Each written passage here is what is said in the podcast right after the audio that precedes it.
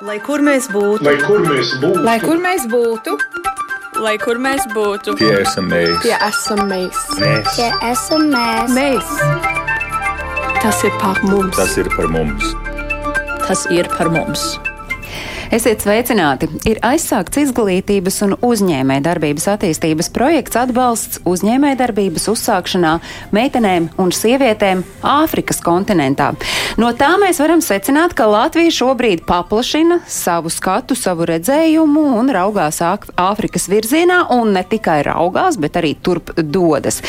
Bet kāpēc un kam tas ir nepieciešams par apmācību programmu jaunām sievietēm Latvijas valsts pirmajā projektā Namībijā un Zambijā saruna šodien, un ar uh, galvenajiem uh, šī projekta realizēšanas vaininiekiem, ar uh, kustības SLV pārstāvjiem un sabiedrotajiem no Rīgas biznesa skolas. Un tieši tāpēc es šeit Latvijas radio viens, Latvijas radio viens doma laukumā multimediju studijā klātienē sveicinu Girtu Grēškalnu, kurš ir SLV valdes pārstāvis arī uzņēmē darbības vides un ārvalstu investīciju piesaistes eksperts, un tas bija arī tas fokus šī projekta ietvaros. Sveicināt, Girt! Labdien! Alīna Anete Birnika pārstāv Rīgas biznesa skolu un savukārt šī projekta ietveros darbojās Zambijā. Sveiki, Alīna! Sveiki! Atil, attālināti mūsu sarunā iesaistās arī Ieva Jākapsona Belomī, kura ir diasporas uzņēmēja un zinā, zinātnieku un nozaru profesionāļu kustības SLV valdes pārstāve. Ir arī profesora Kabata Universitātē Romā, bet šī konkrētā projekta laikā uh, tika dēvēta par projekta virsvadītāju. Sveicināti, Ieva! Sveicieni no Romas. Es atgādinu, ka šis ir redzējums globālais Latvijas 21. gadsimts, un šis ir redzējums, kuram sekot līdzi jūs varat arī Latvijas radio mājaslapā un radio YouTube kontā, un es atgādinu, ka jums ir arī uzdot, iespēja uzdot savus jautājumus šeit klātesošajiem gan studijā, gan attālinātajai viešnai, un to jūs varat darīt, ieejot Latvijas radio mājaslapā, un tur jūs varat rakstīt tiešo ziņu eterā skanošam redzējumam, kas šobrīd ir redzējums globālais Latvijas 21. gadsimts. Tam projektam sasodīts sarežģīts tomēr tas nosaukums - Izglītības un uzņēmējdarbības attīstības projekts atbalsta uzņēmējdarbības uzsākšanām meitenēm un sievietēm Āfrikas kontinentā. Sarunu valodā jūs to saucat eh, viņa atjauno pasauli.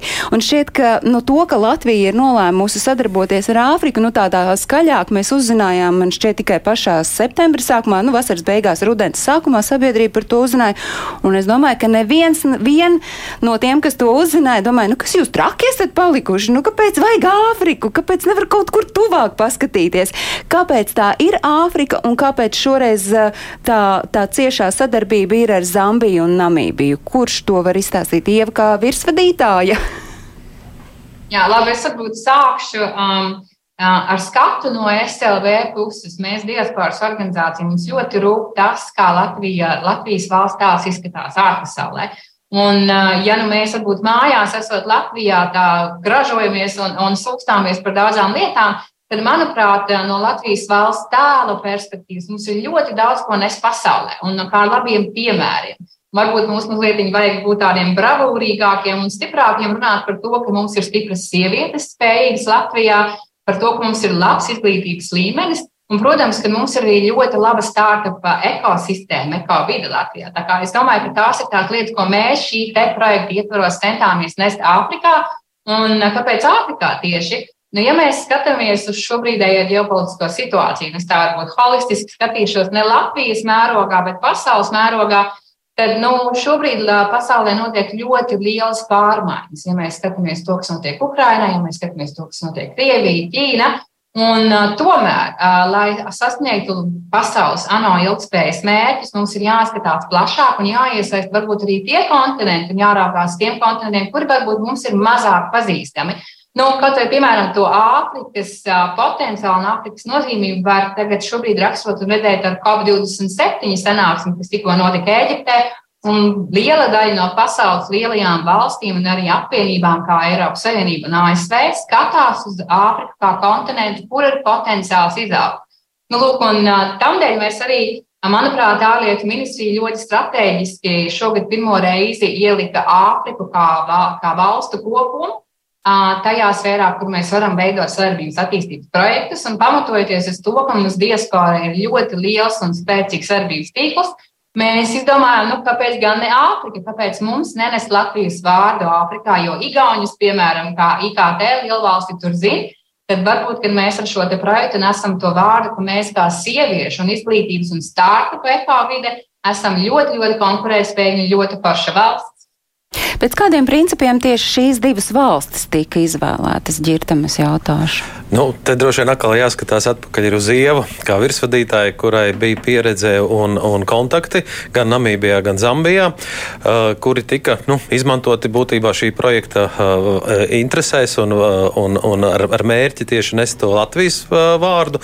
Varbūt mazliet papildinot uh, iepriekš minēto, jāsaka, ka nu, Latvija beidzot pievēršās uh, Āfrikas kontinentam, jo uh, liela daļa citu valstu jau tur ļoti aktīvi strādā, un to arī esot tur varēja novērot, ka uh, lielvaras no Ķīnas, uh, arī Krievija, arī, arī Vācija uh, jau aktīvi tur darbojās un mēģina nest savu vārdu, veicināt uzņēmē darbību, nu, un, protams, arī atrast kaut kādus sadarbības projektus, kuros nu, apusēji intereses vārdā īstenot. Un šajā gadījumā projekta nosaukums bez tā garā un plašā oficiālā nosaukuma arī tas, ko jūs paši kā tādu darba ikdienas valodā, bet arī viens no projekta, nu tāda, tajā tājām īsajām versijām arī ir viņa atjauno pasauli.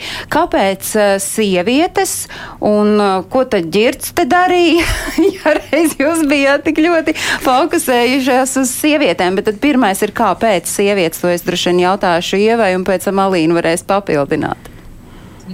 Uh, nu, es varbūt tā arī no holistiskā, no pasaulīgā viedokļa varētu teikt, ka uh, gan uh, biznesā, gan politikā mēs aizvien vairāk un vairāk saredzam sievietes.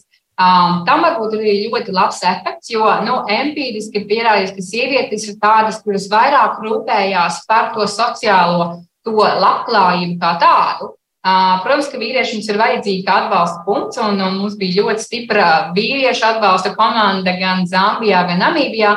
Bet es domāju, ka ar to, ka mēs vairāk no tāda um, kapitālisma, kur mums ir jāražo un jāveido nauda un jāpelnā, mēs pārējām uz to, ka mēs skatāmies uz vairāk uz sabiedriski ilgspējīgu attīstību, kur arī mēs skatāmies ANO ilgspējas attīstības mērķi, tie vairāk ir vai mazāk saistīti ar sabiedrisko labumu, kur sievietes, protams, manuprāt, neviens to nevar atšķīdēt, ir daudz strādīgākas un daudz ieguldījušākas savā tā kā, tādā sabiedriskajā izaugsmē vai attīstībā.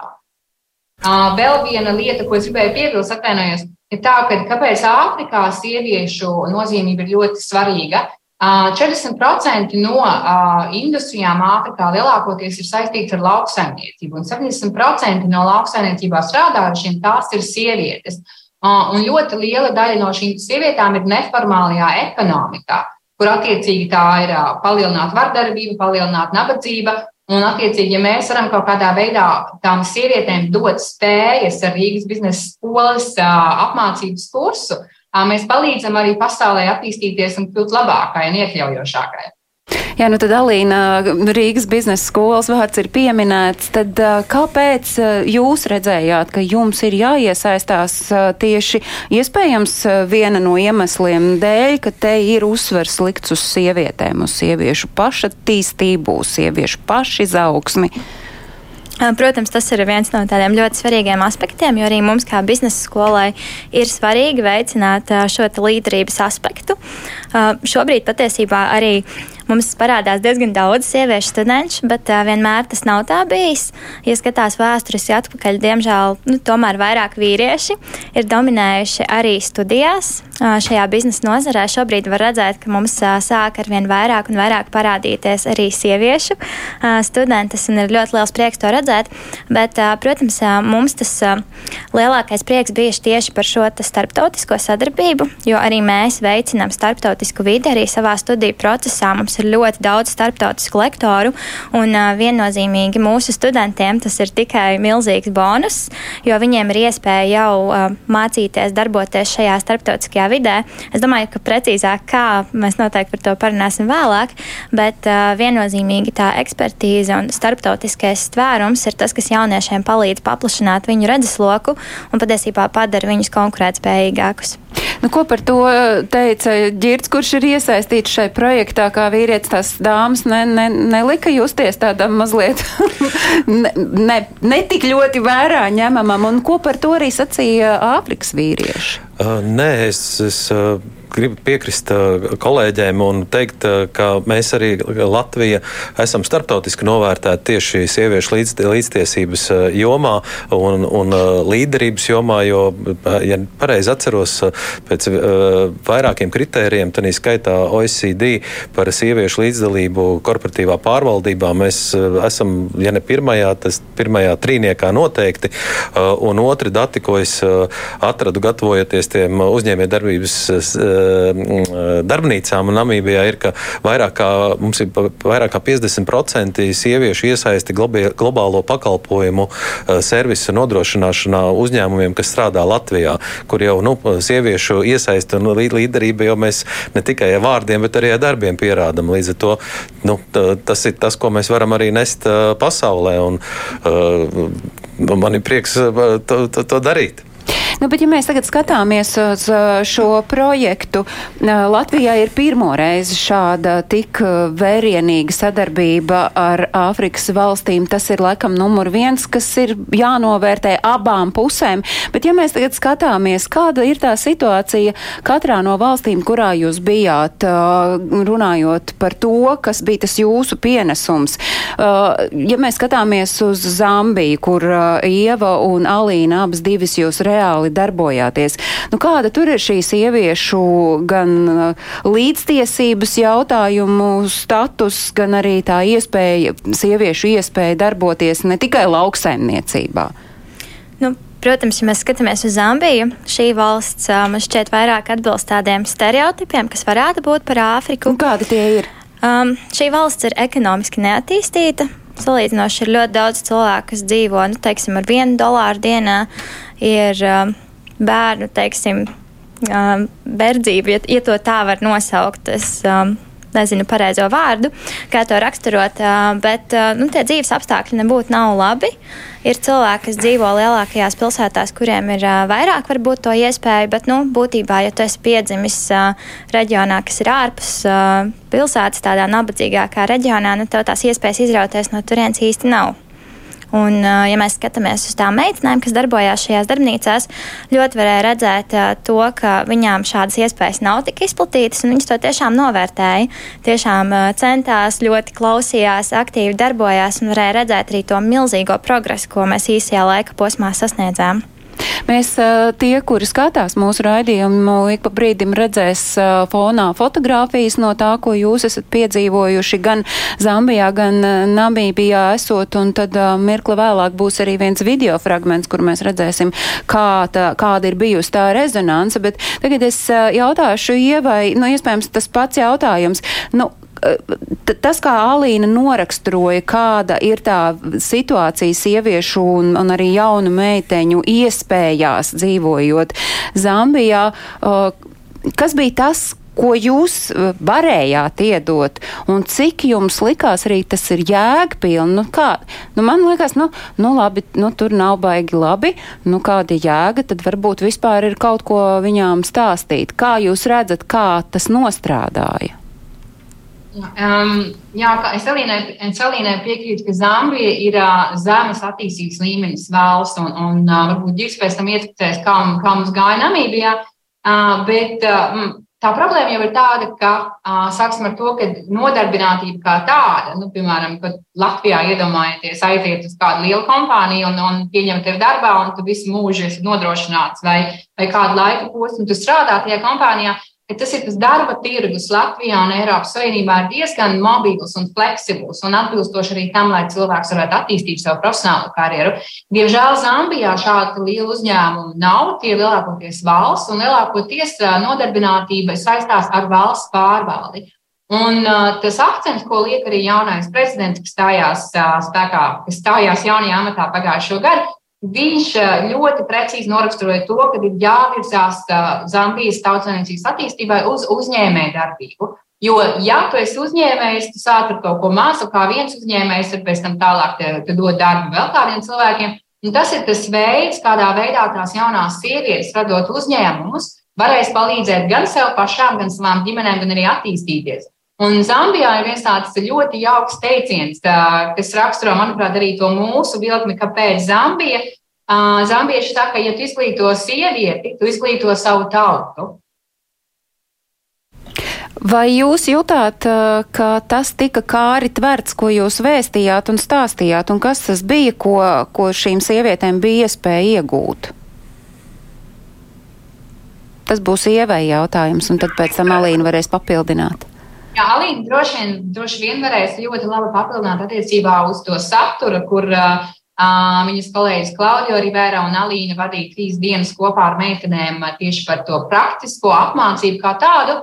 Bet man no malas raugoties, man ļoti patika tas, ka tās meitenes bija ļoti pārņēmas ar domu, kādā veidā viņas var kaut ko darīt labāk. Nu, tas ir tas pārjaunošanas, pasaules pārveidošanas aspekts dažādi sociālai jautājumi, vienlīdzības jautājumi, nabadzības novēršana. Tie bija tie aspekti, kur viņas skatījās attiecībā uz to, ko viņas varētu darīt turpmāk.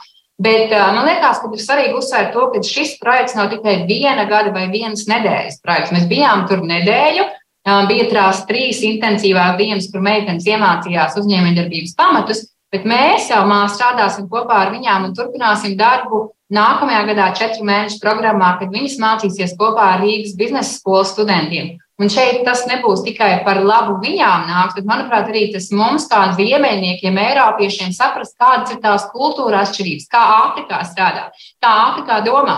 Un tas, man liekas, tādu foršu, tādu tiltu veido ziemeļu un dienvidu asti, kur mēs arī bagātināsim sevi ar sapratni par to, kā strādā Āfrikā. Jo Āfrika ir 1,3 miljārdi iedzīvotāji. Tās ir 54 dažādas valstis, kur ir ļoti liels, milzīgs potenciāls arī, manuprāt, mūsu jaunajiem vai, vai uzņēmumiem vai jaunajiem uzņēmumiem darboties šajā kontinentā. Nu, tas ir arī tas, ko jūs projektu uh, popularizējot arī vairāk kārt uzsverat, ka Āfrika ir līdz šim nenovērtēts tieši no uzņēmēju uh, puses uh, kontinents. Par meitenēm.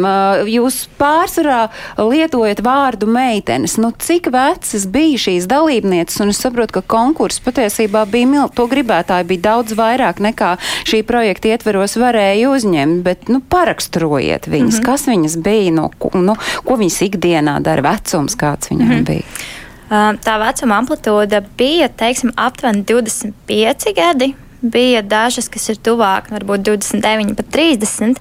Bet, nu, es teiktu, ka tas vidējais varētu būt 25.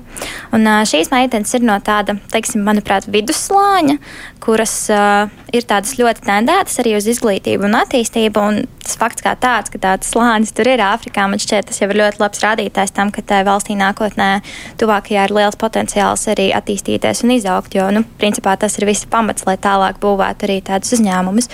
Un, teiksim, no tāda satura pamata mēs gājām cauri ļoti intensīvi pamata biznesa funkcijām, biznesa modeļu kanvām, kas ietver visu sākot ar problēmu ģenerēšanu, turpinot ar klientiem, mārketinga stratēģijām un tā tālāk.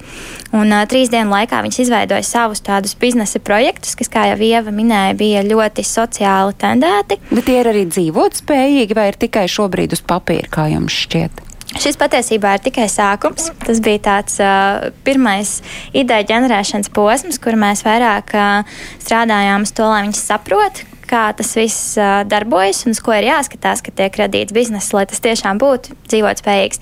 Un tad tas nākamais posms ir tieši tas process, kad viņi strādās kopā ar mūsu studentiem attālināti no janvāra līdz pat aprīlim. Viņi mācīsies kopā vienā uzņēmējdarbības kursā, un tur tad arī radīs reālas biznesa idejas, kurām mēs cerams piesaistīsim arī pot potenciāli kādus investorus, kas varētu varbūt piedalīties gala teiksim, sesijā un novērtēt tās idejas un investēt.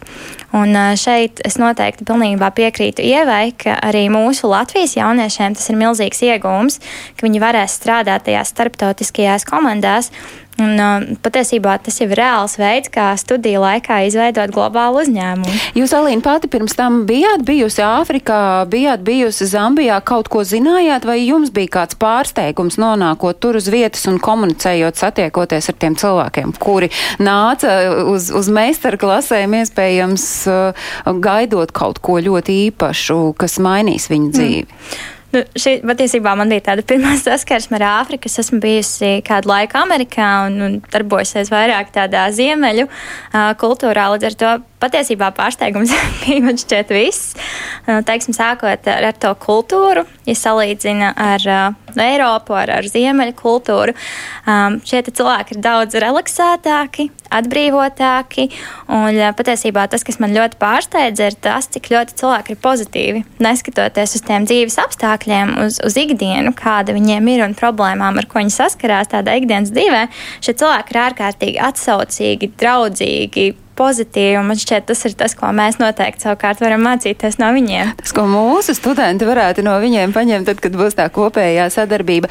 Ja, ja par Zambiju saka, nu tā ir tāda tipiska, kādu mēs varam iedomāties Āfrikas valsts, tad ģirt jūs savukārt bijāt Namībijā, varat paraksturot, kā, kāda bija tā auditorija, ar ko jūs tur sastapāties, un, un vai tā mainīja, vai jums bija pirms tam arī priekšstats par to, kas tur jūs vispār sagaidīja? Sagaida? Uh, jā, nu, līdzīgi kā Alīna teica, Namībija man arī pārsteidza.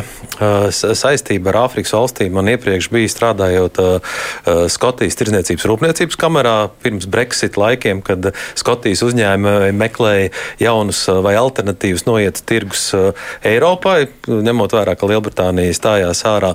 Un tad tika sagaidīts virkne delegāciju no, no Āfrikas valstīm, pārsvarā naftas gāzes sektoru jomā.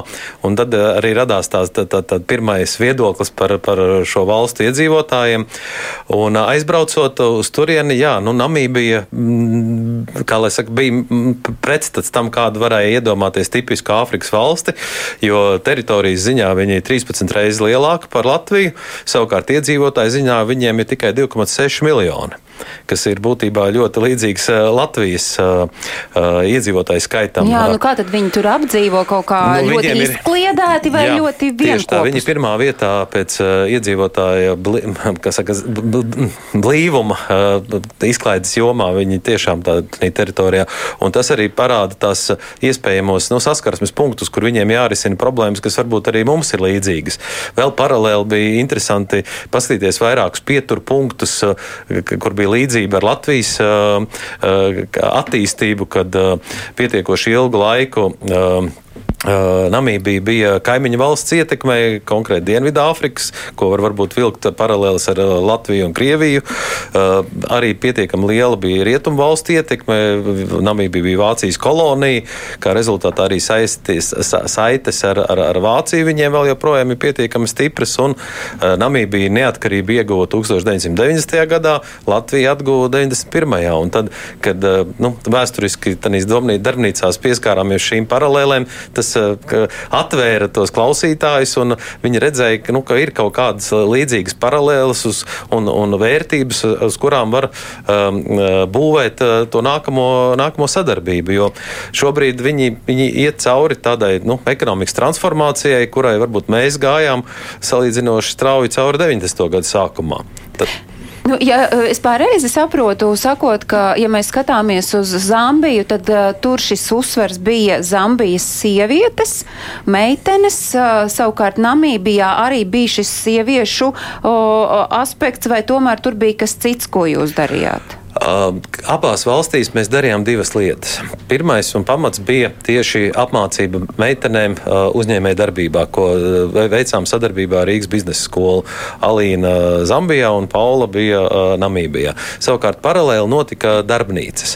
Darbnīcas ar valsts pārvaldes cilvēkiem, nevalstiskā sektora, akadēmiskās vides, kurās nu, tika vadīti semināri atbilstoši noteikti noteiktam tematikai. Nu, es, es vadīju par uh, uh uzņēmējdarbības vidi, uh, vadīju par ekonomikas transformāciju, vadīju par. Uh, uh, pārēju no zemāka uz augstāku vai vidēju ienākuma līmeņa valsti.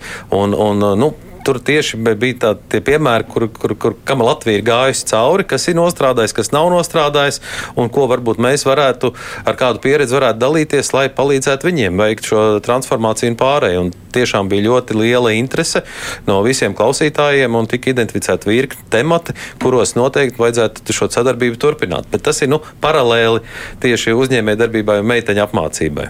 Nu, ja, ja ar meiteņu apmācību, es domāju, nu, tur var izmērīt, vai un kā ir iekritis auglīgā augsnē, kā tad ar to jūsu sadaļu, kā jūs varat izmērīt, vai tas, vai bija to vērts, vai tika sadzirdēti, kas būs tie, nu, nezinu, tie, tie augļi, tie nākamie soļi, pēc kā jūs teiksit, jā, tiešām tas, tas bija to vērts. Nu, droši vien nu, pēc, pēc, pēc vizītes ir, ir jau identificēta virkne tematu, kuru viņi vēlētos turpināt. Nu, tagad ir jautājums, vai, vai būs uh, dzirdīgas ausis arī šeit, Latvijā, kas, kas uh, gribētu to turpināt. Tad jau visdrīzāk jāskatās, uh, ka tiks veidoti jauni projekti kur tad arī praksē šo pielietot. Mums šobrīd fonā tie, kur skatās, ir redzams video sižets, kas bija mm, Namībijas valsts televīzijā demonstrēts, kurā mēs eh, redzam ši, no, no šī projekta gan eh, diskusijas, gan darbnīcas. Vai tas nozīmē, ka tas, nu, tas nebija tāds kaktu pasākums, es atvainojos par šādu salīdzinājumu. Tas tiešām bija tādā valsts mērogā pamanīts, un, un, un tas bija no Latvijas puses valsts mērogā, un arī dzen no abu šo m, iesaistīto valstu puses. Uh, nu, droši vien skatīšos uh, ievas virzienā, varbūt, lai pakomentē detalizētāk, bet nu, no Namībijas viennozīmīgi es to varu teikt, ka tas tika sadzirdēts. Uh, vienā no, no dienām mums bija iespēja piedalīties Namībijas pirmās lēdijas rīkotajā pasākumā, kurā piedalījās gan prezidents, gan uh, uh, viceprezidents, gan uh, ministri, uh, ģenerālprokurors, kurā tiek, uh, tika būtībā vākts finansējums jauniešu centra uh, izveidei, kas arī nu, ir droši vien mazliet jā, atkāpjoties Namībijā, ir liela plai, ienākuma plaisa starp uh, iedzīvotājiem, kuri varbūt labi pelna, un, uh, un pārējiem, kuri varbūt netik labi pelna. Un tāpēc uh, tie, kuri uh, labi pelna, šobrīd ir kļuvuši nu, sociāli aktīvi, lai uh, veicinātu šo, šo, šo uh, ienākumu līmeņu izlīdzināšanos. Un vāc arī nu, privāto finansējumu jauniešu centra uh, tieši attīstībai. Un viņi arī uh, uzrunās identificēja virkni problēmu par kurām mēs jau runājam, agro grūtniecības sievietēm, ka līdz 21 gadam jau ir divi bērni,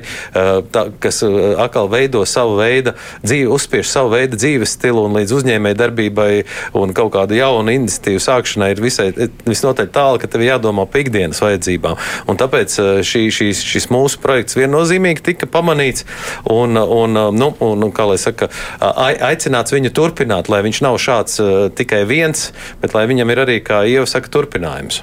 Pagaidā sanāk, ka jūs paspiedāt roku Namībijas prezidentam. Jā, jā tā sanāk. Tā sanāk. Nu labi, tā tāda neliela nianse.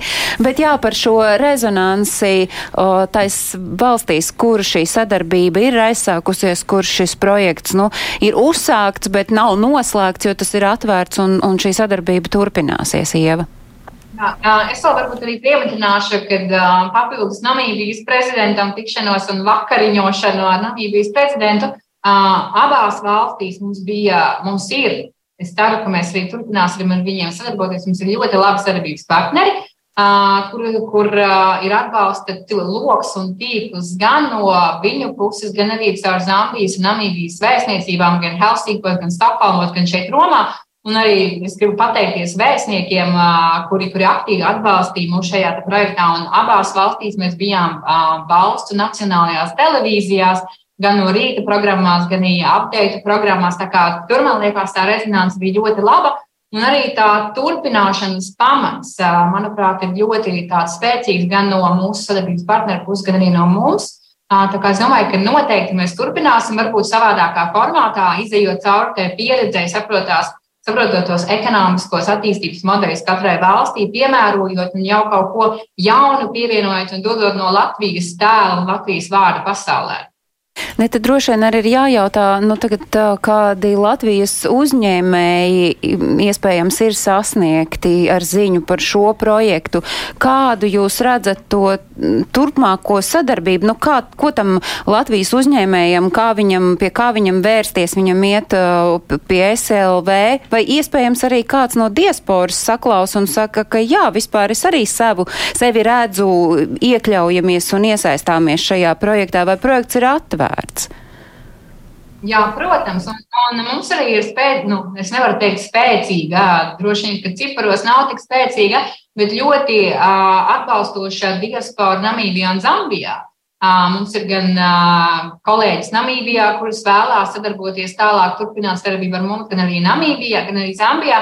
Es domāju, ka tas ir iespējams. Un, un attiecībā, piemēram, uz Zambiju mēs arī esam vienojušies turpināt sadarbību ar Zambijas attīstības aģentūru, kas ir valsts pārvaldes institūcija, kā mūsu LIA, piemēram, un arī cerams, ka izveidosies ļoti laba sadarbība ar Lusakas universitāti, kur ir 34. labākā universitāte vispār Āfrikas kontinentā, un kuri gribētu turpināt sadarbību gan ar Rīgas biznesa skolu, gan ar SLV. Un noteikti, jebkurš, kuram ir interese, var sakontaktēties ar jebkuru no mums un, un veidot šo te arī tā kā biznesa potenciālu. Un vienkārši varbūt pieminēšu to, ka, ja mums liekas, ka Āfrika ir tālu Latvijas uzņēmējiem, tad Alīna var apstiprināt viesnīcā, kur mēs atradāmies Lusakā, Zambijas galvaspilsētā. Interneta savienojums tika nodrošināts ar mikrotīklu, ar mūsu pašu latviešu kompāniju. Tad Āfrika zina, kas ir Latvija. Jā. Jā, un man liekas, mums bija ļoti, ļoti laba iespēja patiesībā pastāstīt vairāk iepazīstināt ar nedaudz Latvijas kultūru un, un dalīties ar tām zināšanām. Tā kā, man liekas, tā tiešām bija tāda ļoti fantastiska pieredze. Nu, jums sarunājoties ar tām dalībniecēm, kuras piedalījās šajā apmācības procesā, nu, ko viņas, piemēram, zināja par Latviju, kas tā tāda ir? Vai mm. bija kaut kā iepriekš pirms tam sagatavojušās vai nāca un tad skatījās un klausījās, ko jūs ziņosiet? Bija, protams, dažas lietas, ko es pastāstīju, bet nu, tāds interesantākais fakts, ko viņas zināja, daudzas no viņām ir, ka Latvija ir zināma ar gariem cilvēkiem cilvēkiem. Tas bija patiesībā tas, ko viņas visbiežāk minēja. Nu, un tā arī jūs jutāties meitenes garas tur starp, starp Āfrikas meitenēm, starp jūsu gadījumā Zambijas meitenēm. Es nezinu, man šķiet, ka kaut kādas bildes bija fonā, kur mēs varējām redzēt, kas bija fotografējušās, vai ne? Bet uh, kas bija varbūt tas, ko, nu, ja, ja mēs runājam par šo meiteņu un sieviešu apmācību, jūs uh, likāt fokusu uz paši izaugsmi, uz uh, paši izpratni un to savas pašapziņas celšanu. Uh, Kas bija tas, ko varbūt viņas visvairāk kāri tvēra no tā, ko jūs stāstījāt un mācījāt, Alīna? Visbiežāk es dzirdēju biznesa modeļu kanvas, kas ir nu, tiešām tāds praktisks rīks, kā ļoti labi var saprast visus galvenos biznesa procesus. Tas ir tas, ko viņas minēja visbiežāk. Bija arī darbnīcas, piemēram, Ieva vadīja par biznesa etiķeti, mans kolēģis Klaudijo par līderību, par tādu sevis atklāšanu, savu stiprāko pušu atklāšanu. To viņas arī pieminēja nu, kā, kā tādu nozīmīgu informāciju, kas viņām patika, bet visbiežāk tiešām izskanēja tās biznesa modeļa kanvas, kas pierāda to, ka uh, viņām nav varbūt tik pieejama informācija par to, viņas pašas varbūt tik ļoti nemeklē. Gan, nu, piemēram, Latvijā mums ir tik daudz dažādas iespējas, dažādi hackathoni, un, un augstskolās, man liekas, ir tik daudz visādi kursi par uzņēmējdarbību. Tur ir jābūt tikai vēlmei. Bet uh, šajās valstīs varbūt to iespēju nav tik daudz. Ieva papildinās, kas bija tas, kas, nu, ko jūs jutāt, ka tas ir tas, ko kāri tver un tas ir tas, kas ir vajadzīgs? Es vadīju vienu no darbnīcām Lusakā, Zambijā par sieviešu līderību un iespējošanu. Un man bija, es strādāju kopā ar kādām 50 kolēģiem no Zambijas tirdzniecības kamerām, no uzņēmumiem. Un tas, kas man liekas, kas mūs kopīgi vieno, gan sievietes ziemeļos, gan sievietes dienvidos Āfrikā, ir tas, ka mums pietrūks pašpārliecinātības. Un tas ir praktiski arī empiriski um, tādi ziņojumi um, pierāda to, ka vīrieši ir vairāk ar to pašpārliecinātību, savukārt mēs, sievietes, kā vairāk esam spējīgas strādāt un parādīt savu kompetenci. Man liekas, tas pašpārliecinātība, tā sevis apzināšana ir tas, kas pietrūka pietrūkstām Zambijas sievietēm, līderēm. Un, manuprāt, arī šeit, Eiropā, mēs arvien vairāk domājam par to, ka jā, mēs esam kompetenti, mēs esam spējīgi, mēs esam gudras. Varbūt mums vajag to pašapziņu mazliet pacelt, lai, lai, lai parādītu sevi vēl vairāk un košāk. Bet vai jūs sajūtāt nu, kaut vienu piemēru, ka nu, tur varbūt kāda atnāca nu, ar to zemāko savu pašapziņas punktu un aizgāja ar tādu uhuru uzrāvienu? Jūs to sajūtāt? Man šķiet, ka. Ah.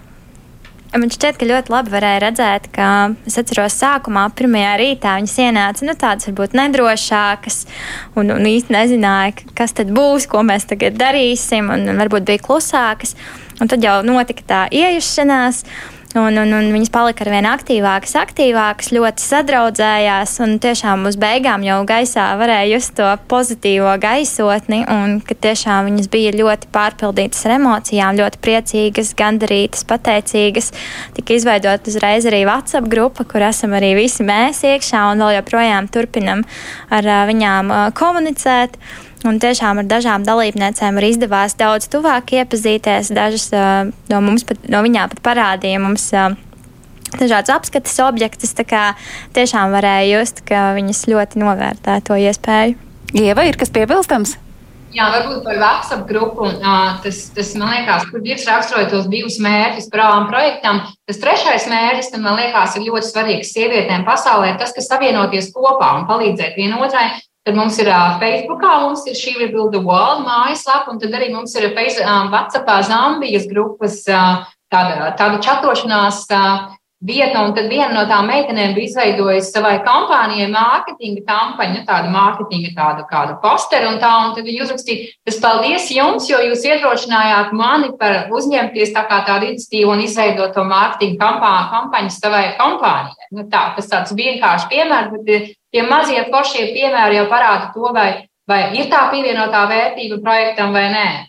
Jūs arī redzat droši vien to, ka tas ir iekritis auglīgā augsnē. Ir kāds piemērs, par ko jūs varat teikt, ģirt, ka jā, nu, te būs?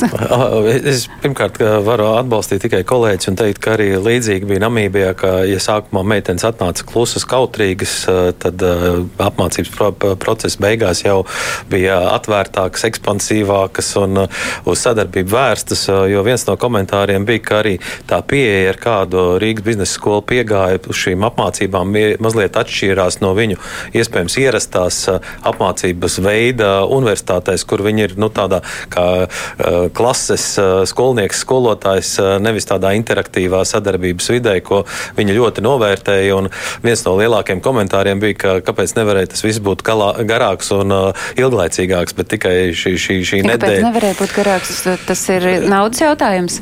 Nu, tas ir vairāk faktoru kopums, tā nīskaitā arī naudas jautājums jautājums. Lūk, te mēs redzam, te mēs redzam to, ko es gaidīju, sagaidīju. Tā bija kūka. Tā kūka bija Namībijā. Tā kūka no vaiga izskatījās tāda, kā mums tāda riktīga latviešu lauku torte ar, ar, ar krēju, krēma rozītēm. Kāda tad bija? Kā, Namī, kā Namībijā cep kūkas? ļoti laba un ļoti garšīga. Un tā ir jāsaka, ka paldies mūsu sadarbības par partneriem Business Financial Solutions, kuru iniciatīva bija šādas kūkas sagatavošana un noslēguma pasākumā vis, vis, visi, visas meitenes un, un, un pasniedzēji varēja viņu baudīt. Zambijā arī bija kūka noslēgumā. Tur mēs pusdienas pēdām. Labi, bet tagad kūka ir apēsta, pusdienas ir pēstas, un klausītājs saka, jā, te, tie fakti dažādi izskanēja, un tomēr klausītājs un skatītājs saka, nu, un kas par to būs mums Latvijai? Jo skaidrs, ka Latvijas vienmēr domā, nu, kas man no tā būs? Tad es, nu, tādiem salīdzinot, nu, noslēguma vārdiem došu vārdu Ievai, lai izstāstītu, ko tad Latvijai jāsaprot, kas Latvijai no tā būs tie lielākie ieguvumi. Es varbūt sākšu ar tādu varbūt, ļoti sensitīvu tēmu. Um, 2007. gadā jau Eiropas Savienībā bija 7 līdz 8 miljoni nelegāli imigranti no Āfrikas, tieši no, no nu, subsahāras Āfrikas valstīm. Tas nozīmē, to, ka mums kā Eiropas Savienības dalībvalstī tas ir pamatīgs sloks, lai viņus integrētu, lai dotu iespēju viņiem dzīvot šeit. Un, un protams, ka arī te ir tā, tās kultūras atšķirības un tam, tam līdzīgi. Tāpēc es domāju, ka, ja mēs varam palīdzēt attīstīties valstīs, viņiem attīstīties un darboties savās valstīs, tas stiprinās ne tikai Eiropas Savienību, bet arī viņus un arī Latviju.